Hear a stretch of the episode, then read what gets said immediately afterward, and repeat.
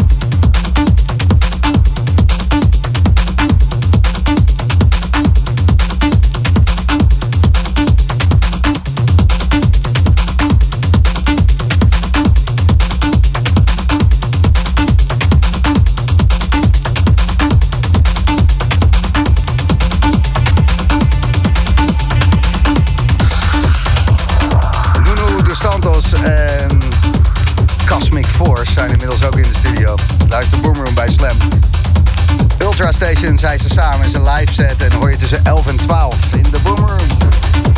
En op dit moment in de mix, Remy. Mel die stuurt voor de gratis Slam hebben. Remy, tot 7 januari Winter of Love naar Gamerstream. Nog steeds de flow vibe, man. Dankjewel. Ik sta links voor. Lekker, Mel. Michel die stuurt heerlijk avondje. Remy sloopt de installatie en de robots bij Battle Wars in elkaar. En Boy stuurt, dit zijn de BPM'tjes. Ja, ja, ja. Zo is het. De Boomroom Slam. In de mix, Remy Junger.